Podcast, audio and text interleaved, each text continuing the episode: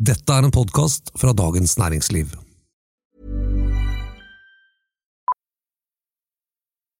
Millions of people have lost weight with personalized plans from Noom, like Evan, who can't stand salads and still lost 50 pounds. Salads, generally, for most people, are the easy button, right?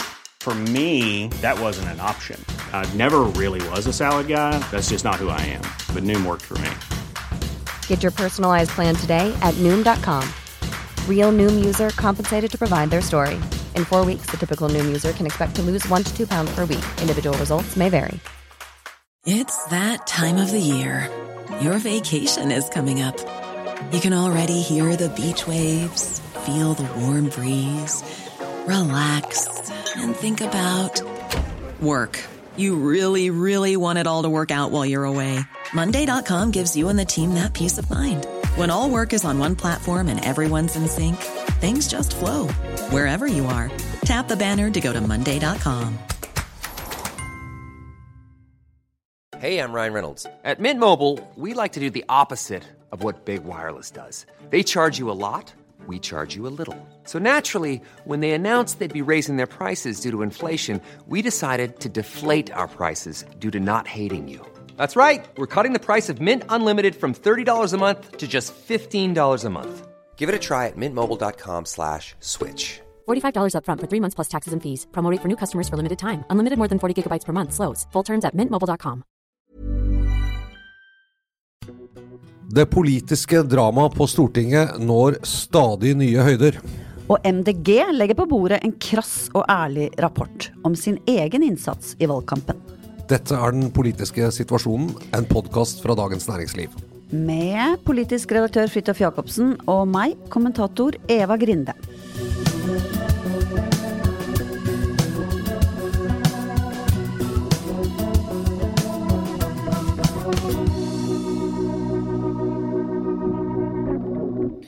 Eva Grinde, eh, når dette spilles inn en tirsdag eh, tidlig ettermiddag, eh, så Kan har alt skje. vi Ja, alt kan skje. Og vi har fortsatt ikke svaret på hvem som blir ny stortingspresident.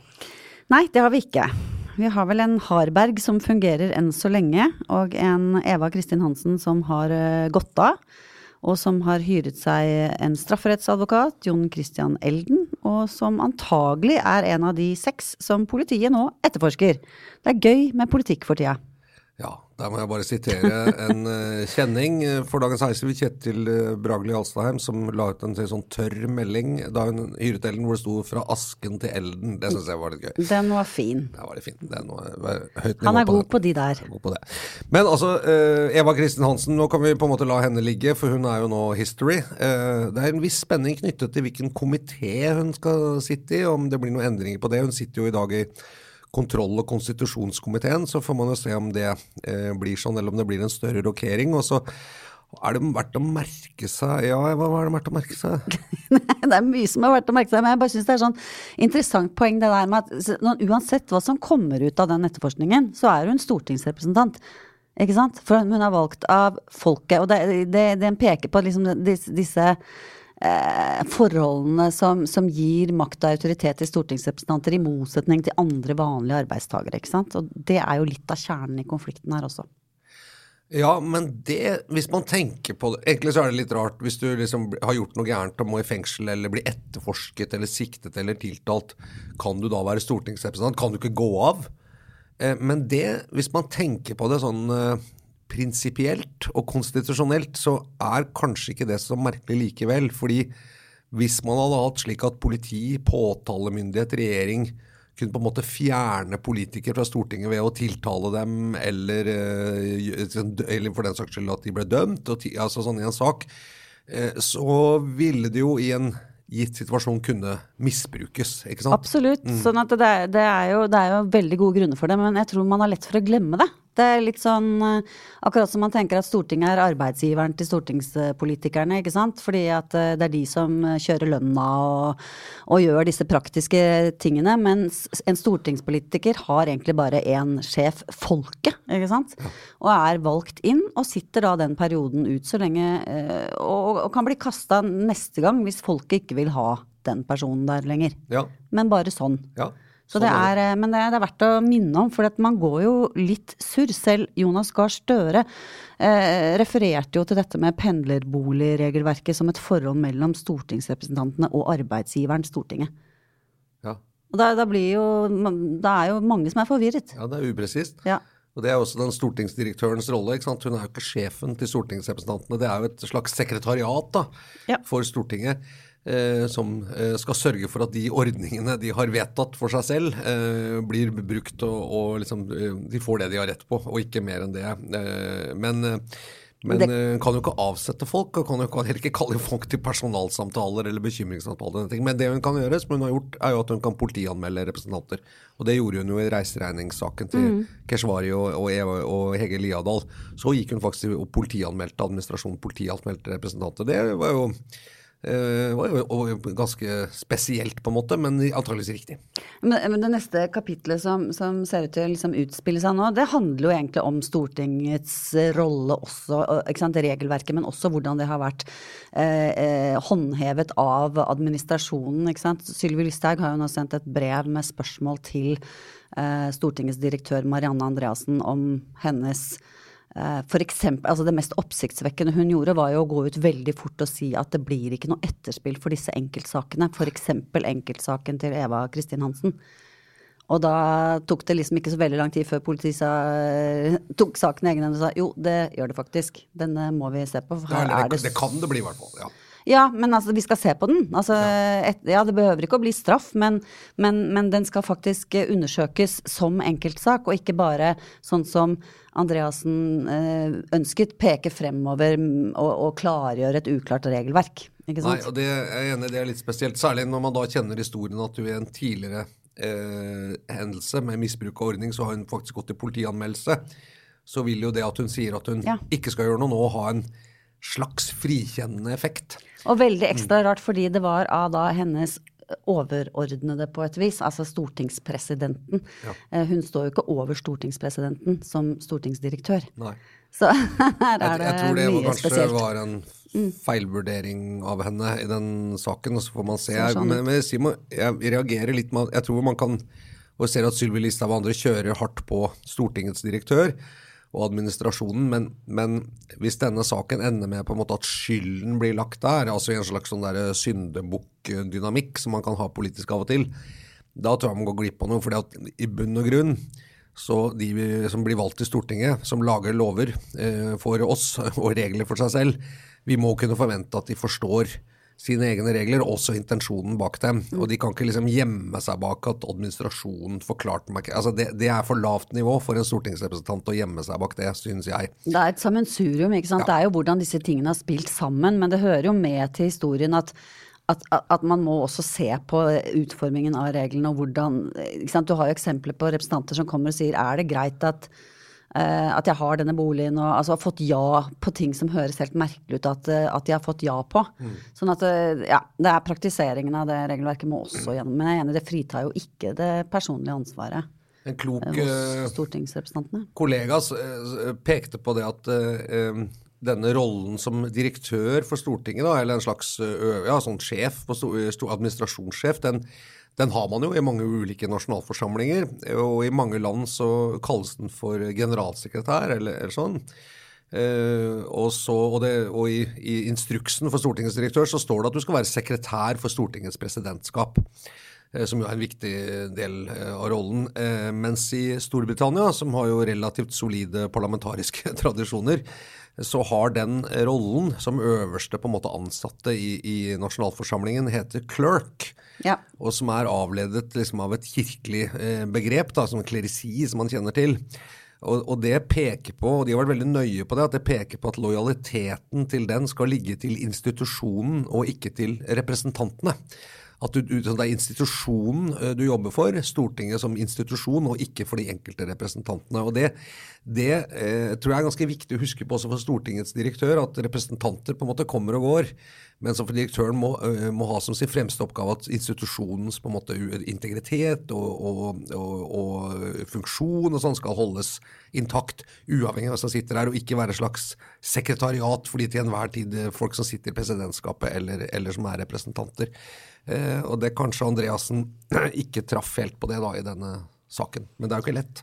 Nei, jeg tror den rollen er eh, Det er liksom for viderekomne når det gjelder eh, formell autoritet, ikke-autoritet. Hvor, hvor, er det min, min, rolle stopper og begynner, ikke sant. Den, ja, den er ikke sånn Den er ikke intuitiv. Det er den ikke. Sånn for oss vanlige arbeidsfolk. Nei, det, man bør kanskje reflektere over det. Ja. Det er samme hvis man er departementsråd eller, eller, regjeringsråd eller den type ting. altså er liksom et skille mellom at man skal man jobber for institusjonen, og man jobber også for, for hele landet, på en måte. Selv om man har eh, på en måte arbeidsgivere eller mennesker. Men de er arbeidsgivere i tillegg, da. Altså ja. De er sjefer og arbeidsgivere i tillegg, som departementsråd f.eks. Ja, men det er jo Stortingets direktør og arbeidsgiver for en masse ansatte på Stortinget. Ja, i administrasjonen, ja. ja. Mm. Så, men, men, men uh, en ting som også er verdt å merke seg, er jo at det ser ut som Arbeiderpartiet i hvert fall per nå sliter litt med å skaffe en ny stortingspresident. Ja. Fordi eh, dette ble jo sagt det skulle være klart ganske fort. Eh, og så er det plutselig blitt utsatt. Eh, det ble sagt at det skulle være klart på mandag, og nå er det sånn mot slutten av uka. Og Dette det er en sånn typisk ting som kan gjøre denne podkasten plutselig helt uaktuell. Ja, men det er det. For det kan skje vi bare, vi bare skyter inn det. Det skjedde sist gang vi lagde podkast, nemlig. Noen få timer etterpå så gikk jo Eva Kristin Hansen rett og slett av. Ja, men jo, jo, jo, ting skjer veldig fort. Man hører man får en representant, men det er verdt mm. å merke seg, tror jeg, at de, Arbeiderpartiet bruker ganske lang tid på å finne ut uh, hvem som er. Og det, det er tydeligvis ikke sånn at Sverre Myrli, som var den andre representantene i presidentskapet automatisk rykker opp. Eh, kan godt hende han får, får, jobben til slutt, men at de, og jeg tipper at det er fordi de nå gjør en ekstremt grundig vettingprosess av mulige kandidater. Jeg vil tro det, for at ikke sant, En til nå som har et eller annet uh, baki der som man ikke vet om, det, det, det ville jo vært uh, Det er vel en del sjekk på sånn boligsituasjon, f.eks. Ja. Ja, det er nok noen, eh, nok noen avhørssituasjoner. Men det blir spennende å se ja. hvem det blir, og hva det fører til av rokeringer. Men det er, flere det. Som, eh, det er flere som eh, går gjennom sitt eget virke og evaluerer hvordan de holder på. Ja, og det tar vi etter reklamepausen. It's that time of the year. Your vacation is coming up. You can already hear the beach waves, feel the warm breeze, relax and think about work.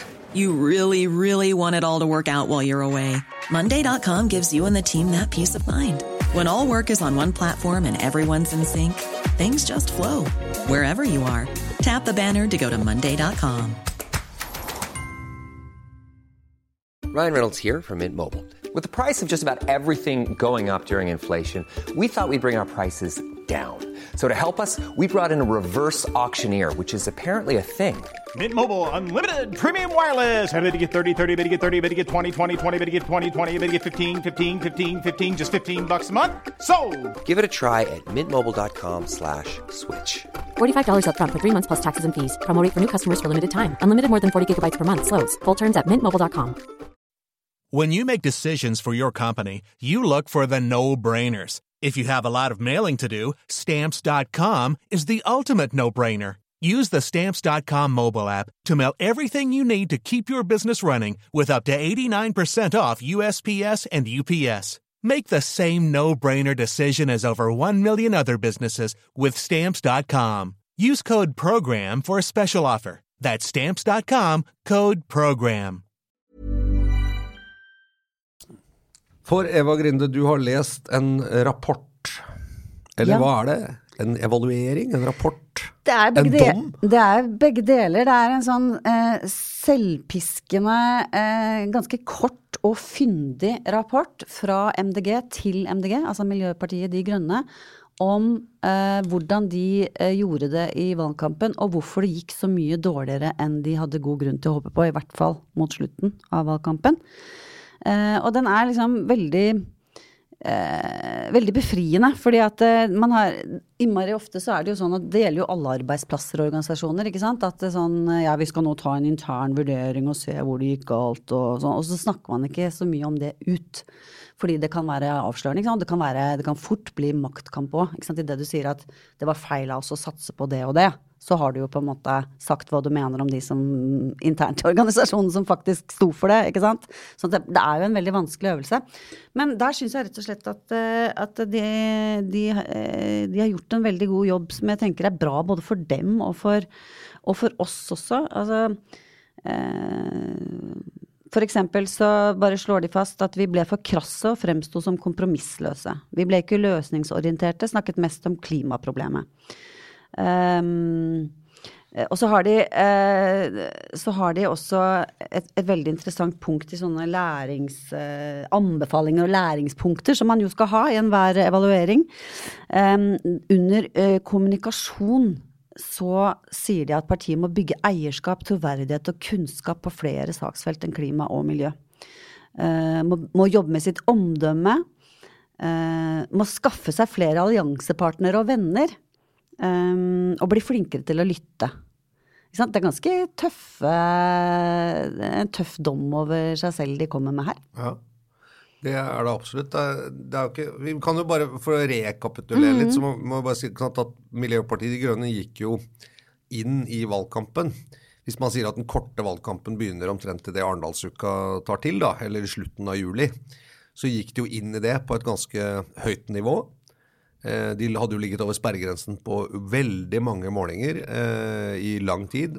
Eh, og så i tillegg så kom jo da klimasaken seilende opp med FNs kode rød og, og, og denne IEA-rapporten som liksom viste at det var mulig å videre. Og så førte, må vel bare kunne si at hvis du ser på tallene, så, så førte de en katastrofal valgkamp, rett og slett. Som ja. gjorde at de havnet under sperregrensen. Ikke med så mange tusen stemmer, men nok til at eh, vi, i motsetning til Rødt og sånn, så klarte de det ikke. Og det var en skandale for dem, egentlig. Ja, jeg, jeg tror jo den, den, den FN-rapporten som kom da 9.8, var et veiskille i valgkampen. Det tyder veldig mye på Man så det både på hva som ble tema i alle debattene, eh, og også på målinger, sant, på det, de såkalte klimapartienes oppgang etter dem. Det ble, det ble en endring. Man, man, det, bort fra Til da hadde jo valgkampen handlet veldig mye om ja, distrikt eh, versus by. Sentralisering, litt sånn eh, Slagsvold Vedum-vennlige saker. Um, men, og by, på første bølga, bølgen der så tjente jo MDG også mye på dette. Uh, men så var, det, så var det vel jeg, jeg, tipper de siste to-tre ukene har ikke finstudert det, men, men det, var, det, var, jo bare noen få uker det var snakk om her, ikke sant? Hvor, hvor, hvor de spilte bort igjen det kortet. Og så er det, det, de, det er der de, de går inn nå og ser hva var det som skjedde. Og en sånn viktig ting som jo understreker at de, eh, det som de, de, selv ser på som en, en svakhet, å være et ensaksparti, er jo det ultimatumet de stilte sant, til en eventuelt ny regjering om at vi samarbeider ikke med noen på noen som helst måte dersom de ikke går inn for å stoppe i all leting etter olje og mm. gass. Og da, Det fikk de jo ikke med seg SV på, f.eks. Og da fremsto de bare veldig sinte. Jeg husker en sånn konflikt der mellom eh, Une Bastholm og, og Lysbakken, hvor, de, hvor, hvor, hun liksom nærmest eh, ja, skjelte han ut for å være et dårlig menneske, omtrent, for ikke å gå med på dette her. Jeg tror eh, det er mye interessant. Der tror jeg det glapp litt, altså. Ja, fordi at eh, For det første så tror jeg at konsekvensene av MDGs eh, eh, på en måte elendige valgkamp er mye større enn bare for MDG.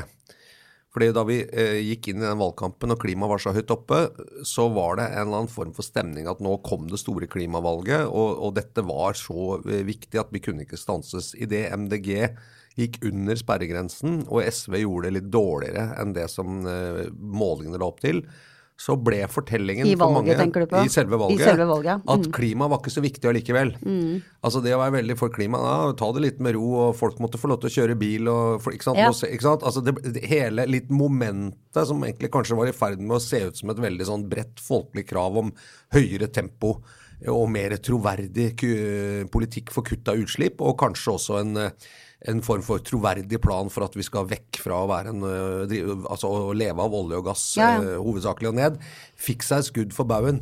Annet fordi MDG ikke kom over sperregrensen. Så det har jo effekt jo er langt utover. Jeg tror liksom klimaengasjementet mistet en del sånn politisk dynamikk av akkurat dette greiene. Så det er ganske, det er ganske stort nederlag de gikk på.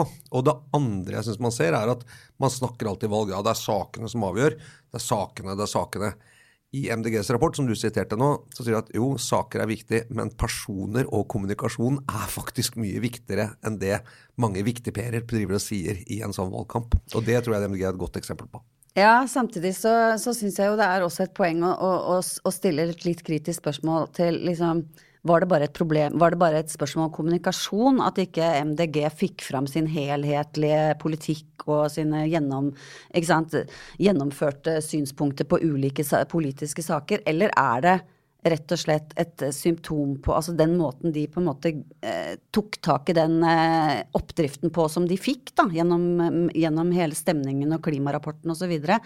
Eh, at det rett og slett er, er ganske sant også, da, at MDG er et klima- og miljøparti. Og det er på altså, er det også et symptom på at de faktisk er det ensakspartiet som de selv mener er, gjør at de ikke blir større. Og er det rom for et MDG som bredder seg ut og blir et, et, et sånt fullverdig eh, parti med synspunkter i alle saker, når du har andre såkalte klimapartier som både Venstre og SV, altså på begge sider av det politiske spektrum, som, som allerede har, har, tatt den rollen, da. Ikke sant? Er det rom for et bredt MDG, eh, egentlig? Trenger vi det, eller trenger vi det egentlig som det det er? En, en sånn illsint eh, korreksjon på siden ja. Som dytter på andre partier, og som eh, for, for, du sier ok, det har vært et tap, eller, eller man, Den har svekket seg, klimasaken, men samtidig så, så har den flyttet eh, Jeg tror at, eh, at hele den de, bølgen der sånn flyttet hele sentrum et ørlite hakk, i hvert fall, mot grønnere. Eh, ja, bevissthet og tankegang. Ja, men litt vanskelig å se det i Hurdalsplattformen, f.eks. Ja, Nei, men nå tenker jeg mer på både Høyre og altså hvordan det er lov å snakke. Kanskje enda, like, minst like mye i Høyre som i regjeringen. Ja. Altså, altså En interessant uh, ting der var at MDG i dette valget uh, Hvor mye var det de fikk i Oslo på stortingsvalget? 7 og noe? 8,5. 8,5, mm. Mens, mens, i, i lokalvalg, altså det som var i 2019, uh, så var de nesten dobbelt så store. Mm. Så, og de er, de er sånn betraktelig mye større i Oslo når det gjelder kommunevalg eller valg til bystyret, enn det de er nasjonalt. Det sier et eller annet, tror jeg. Eh, og det er, liksom, det er, en oppsiktsvekkende stor forskjell. altså. Eh, det er liksom ikke noen prosentpoeng som det av og til kan være at de mer sånn styringspartiene våre Men det er, liksom, det er, det er, himmel og hav, mm. eller, eller, himmel og et eller annet annet. Det kan man si. Eh, og, og litt bedre oppslutning i Oslo i prosent, som er et folkerikt by, ville jo da kunne dratt dem over sperregrensen nasjonalt. Men, men det er jo byene nøkkelen til det ligger. Men det, det, er interessant. Men vi vet jo ikke helt hvordan prosenten ville vært hvis det var lokalvalg nå, da. Altså, det kan jo det, det, kan jo artes annerledes, at, noe, at, at, det har gått ned også på en måte lokalt. Ja, men jeg, jeg, tror det er et tegn på at, at lokalpolitikken ikke er så avhengig av, av liksom ideologien, men at det, at det, kan handle om mer konkrete saker, folk. Det ser man jo, ikke sant, hva slags partier som samarbeider rundt omkring lokalt. Eksempel. ja, for MDG i Oslo har jo valgt en mer sånn breddetype linje. Mm. De har finansbyråden, de har, hatt, liksom, altså de har hatt på en måte flere ulike sektorer og hatt en bredere, liksom, helhetlig bypolitikk. I tillegg til alle sykkelveiene. Kan den overføres nasjonalt? Det, ja, det er jeg usikker på. Liksom, du er et styringsparti da, i, der, mm. og også inngår liksom i styringskonstellasjoner i andre typer byer, og viser liksom at man ønsker å ha en brede. Det er liksom derfor de tror jeg har fenget i byer, fordi de viser at vi er ikke bare ensaksparti, vi har en mer helhetlig politikk. Og Det er vel det som etterlyses her da, ja. i, i, dette, at de må også gjøre det nasjonalt. Så tror jeg det valget om å å gjøre liksom bare én sak, nemlig nei til all leting etter ny olje, også i disse tidligere forhåndsdefinerte områdene, TFO-ene som vi snakka så mye om uh, den gangen. Uh, det er jo, kan du si, det står jo i programmet osv., men det er også et kommunikasjonsvalg hvilken sak du løfter frem som din egen hovedsak. Det er jo liksom noe med den strategiske kommunikasjonen. og der trodde de jo tydeligvis at det skulle engasjere og mobilisere veldig mange, nok til at det, liksom, det var det som skulle få mm. det til å komme en slags sånn eh, ja, litt sånn hornmusikk i brystet, som Kristin Halvorsen pleide å si, eller Jan P. Syster, han sa det. Og, så, og liksom trekke dem opp på en sånn slags bevegelse. Men det var, det var jo da et, si, et et kommunikasjons, altså strategisk kommunikasjons totalt feilgrep. da. Det var en feilvurdering. Ja. Der, der tror jeg de overvurderte den drahjelpen de fikk da fra, fra den klimarapporten og den stemningsbølgen som kom. Og de, de skriver jo om det, interessant nok, selv som at det å insistere på den saken dro all oksygen ut av rommet. Ja. Altså? For den tar vekk Den gjorde at de ikke fikk snakket om andre sider av klimapolitikken, mener de selv, da. Eller andre saker. Ikke sant? Fordi den er, også så, den er jo også genial på den måten at den er Eller man kan tro den er det, i hvert fall. Fordi den er så enkel og klar. ikke sant? Og her hadde man på en måte hele verden med seg, og kode rød og eh, ja, i det hele tatt. Så det, så det er jo forståelig. Eh, Men, men de burde kanskje ha snudd før Altså, de burde ha stoppet i tide. Jeg tror de gjorde det enkelt for motstanderen, i hvert fall. Ja. Det tror jeg fordi det er så urealistisk det er å stanse all leting. Men jeg, jeg tror også jeg har hørt også i MDG for det er en indre debatt der, eh, eller intern debatt, da. Eh, og det er Som et klimaparti så kan du liksom velge to eh, altså måter å kommunisere på. Det ene er liksom Hallo, følg med. Greta Thunberg, det går til helvete. Mm. Eh, vi har dårlig tid. Folk, og de som ikke skjønner det, de er liksom, de er ikke en del av løsningen, de er bare problemet. Alarmisme. Alle. Alarmismen. Og litt sånn derre Og det er nesten på en måte moralsk forkastelig å ikke liksom begynne å gjøre noe med dette engang. Eller så kan du gjøre den dette er et problem, men dette løser vi sammen. Og det er faktisk litt gøy. Altså skjønner du, Det er engasjerende, det er optimisme, det er fremtidsoptimisme i det. Vi skal inn i en ny verden, og det blir en bedre verden. Og vi løser det med vår liksom samlede erfaring. Vi bruker å snakke så mye Oljen har liksom vært bra, men nå skal vi over på noe nytt, og da skal vi liksom gjøre det samme fine. eh, Og trekke sammen osv. Og, og eh, det vet jeg jo at eh, jeg tror f.eks. Lan Marie Berg står nok mer for en sånn pekefingeraktig holdning, liksom med oss og dem. Hun blir i hvert fall oppfattet sånn. Ja, og Una, Una Baston eh, syns jeg på en måte var noe mer sånn fremtidsoptimistisk. Altså, vi skjønner problemet, vi vil ha liksom noen som kan lede oss gjennom det. Jeg syns hun også datt litt over i på en måte å være litt sånn moralsk overlegen de andre i denne valgkampen, symbolisert gjennom at hvis du ikke er med på vårt leteultimatum, så er du klimafornekter, som hun sa om liksom respekterte politikere. Mm, Det er, derfor, jeg- ja, det er derfor jeg tenker at de, de fikk At det liksom skinte gjennom mer sånn, som sånn blaff av hybris da, når de fikk all den drahjelpen, liksom. Eh, Og, og, og, og da tenkte at nå, nå trenger vi ikke kjøre den derre breddepolitikken. Nei. ikke sant? Nå, nå, nå får vi med oss nok folk på dette, som egentlig er vår grunn. Altså det er en tolkning jeg har, da. Men som liksom egentlig er vår grunn, grunnmelodi. Ja, for den er jo ikke så, altså, I møte med en krise, da, hvis man sier at dette er, krise, det er ikke en akutt krise, men det er en sånn langsiktig Men krise. vannet så- må opp opp, til knærne på folk før Ja, de for er det er der. litt sånn we can do it. ikke sant? Og, og poenget det var litt sånn man så i pandemien også, var den derre Ja, men dette kan vi løse hvis vi går sammen og bruker liksom krefter og respekterer oss, så får vi til dette. Eh, Og det tror jeg hvis et, hvis et eh, klimaparti eh, skal bli et stort parti, altså som på en måte et folkeparti, og det, man må jo ha folkelig oppslutning for å, løse dette her, for det krever liksom folkeoppslutning og samarbeid, så tror jeg kanskje det å skru ned på sånn moralsk overlegenhet, og at alle som ikke er liksom like langt ute på virkemiddelapparatet som oss, er liksom klimafornektere og idioter og ikke skjønner noen ting, Ja. det er ikke så lurt. For eksempel Anne Marie. Berg, som jo uh, mente at uh, Tina Bru og Espen Barth Eide var klimafornektere. Ja, det blir for dumt. Det, blir, Ja. det, det, det, det vinner du ikke på. Nei, det blir for dumt, og det blir for arrogant, rett og slett. da. Så, Tror jeg. men, men, men, rapporten sier jo det veldig klart. ja, det de, er jo de det som står i den enige. De er, ja. de er enige i det.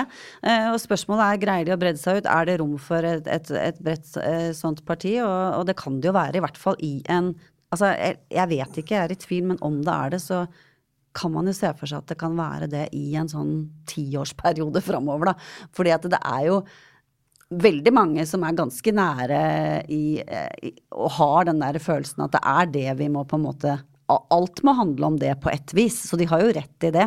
Du kan ikke på en måte se bort fra klima og miljø nå de nærmeste ti åra. Nei, det er den største politiske utfordringen i, i verden, dette. Og, og særlig da i vestlige land, egentlig. Eh, og det er liksom en man vet kommer. Så kommer det mange andre utfordringer som man kanskje ikke vet om i dag, som kan være kriser og den type ting. Men dette, dette er en utfordring som vi på en måte vet kommer. Og det er, er jo på en måte beretningen om en varslet kalle det katastrofe, men i hvert fall en ganske stor endring, da.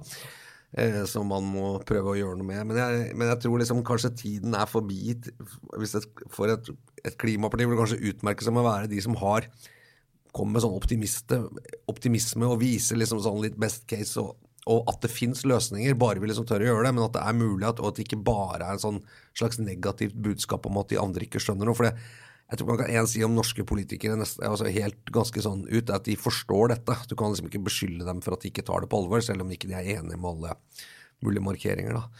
Det tror jeg, det tror jeg kanskje MDG burde gå i seg på. For jeg tror egentlig vi, vi Det har vært rart om ikke liksom klimaengasjementet organiserer seg gjennom et politisk parti. Det gjør jo det i veldig mange andre land. De gjør det i Tyskland, de gjør det sant, i mange land, så det er rart om det ikke blir gjort der, syns jeg. Ja, men, eh, men, sånn helt uavhengig av, av, det, så vil jeg jo si at eh, MDG har, har, har, vært forbilledlig eh, når det gjelder å være ærlig og åpen om seg selv og sine problemer. Så andre partier, følg med, følg etter. følg eksempelet. Ja. Uh, sånt pleier man jo å være veldig sånn hemmelighetsfull om, ikke sant. Alt ja. som Ja, nå tar vi en intern evaluering. Ja. ja, hvis du skal bli sittende som leder etter et uh, veldig dårlig valg, uh, så er jo nettopp en helt sånn åpen og kritisk evaluering gjort. Som, hvor du på en måte, for Legg merke til Bastholm har ikke forsvart seg, så vidt jeg kan si. Hun har liksom ikke, hun har ikke gått i rette med dette og prøvd å ta imot. Hun bare stiller seg åpen for, for oppvasken. Uh, og det er, det er, veldig viktig hvis du skal bli sittende som leder. Det var jo en av de tingene som Erna Solberg brant seg litt på i, i det veldig dårlige valget i 2005 da hun var nyinnsatt leder, var at hun liksom bare hoppa over den der altså For hun skjønte hva som var gærent, mente hun selv, men så lot hun ikke partiet få lov til å gå de rundene det måtte for å liksom analysere mm. hvorfor det gikk galt. Eh, og dermed så fikk hun en veldig krevende start på sin partilederkarriere. Men da, etter 2009, så gjorde hun mye grundigere arbeid med å liksom eh, forklare ja, det, liksom, hva som hadde skjedd. Og, og sånn. Det var en veldig sånn lærdom hun gjorde da. Men det er klart det er vanskelig. Bare se på det, det, Arbeiderpartiets katastrofevalg i 2017, som jo var litt bedre enn årets, som jo har blitt betegnet som et bra valg. Men det er, mange, ja, det er konteksten som uh, gjør den forskjellen. Uh, uh, den gangen var det heller ikke noe grundig åpen evaluering. Det var, det var en spørreundersøkelse, sånn ettervalgsundersøkelse og en medlemsundersøkelse, som skulle ligge til grunn for en evaluering. Men det er klart, det hadde jo vært fryktelig vanskelig også å, være, å få Hvordan skulle du få det partiet enige om hva som gikk galt i den valgkampen? Ikke sant? Så det, det er ikke hvem som hadde skylda. Hvem hadde skylda ja. i hva, ikke sant. Sånn at det blir jo, det blir jo fort makt, maktkamp og politikk av det, for å si det sånn. Men det jo, kan jo merke oss at Høyre, som gjorde også en skikkelig dårlig valgkamp, gjorde faktisk det, gikk jo liksom ganske godt ned i løpet av den siste valgkampen. Ja, nå mener du, ja. ja, ja. Mm. Og Frp også gjorde et ganske dårlig valg sammenligna med en del ting. Der hadde det riktignok liksom gått såpass dårlig såpass lenge, men, men, Høyre hadde liksom en markant fall da, i selve mm. valgkampen. og vi ikke, kom ikke opp igjen, på en måte. Jeg tror ikke de eh, orker å lage noen sånn, evaluering? Det har ikke vært noen stor evaluering der. Nei, nei ikke sant. Men uh, det er noe, der er nå sitter nå partilederen relativt trygt, da. Ja.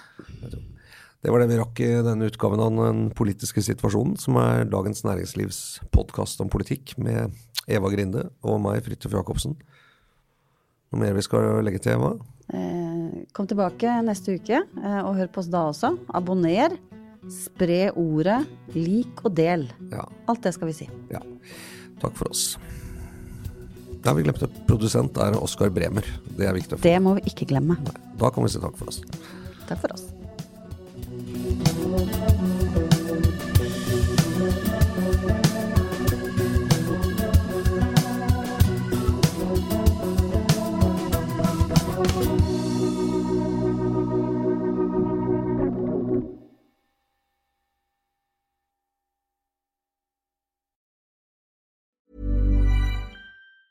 Hi, I'm Daniel, founder of Pretty Litter. Did you know cats tend to hide symptoms of sickness and pain? I learned this the hard way after losing my cat, Gingy. So I created Pretty Litter, a health monitoring litter that helps detect early signs of illness by changing colors, saving you money and potentially your cat's life. Pretty Litter is veterinarian developed, and it's the easiest way to keep tabs on your fur baby's health right at home. Go to prettylitter.com and use code ACAST for 20% off your first order and a free cat toy. Terms and conditions apply. See site for details. Du har nå hørt en podkast fra Dagens Næringsliv.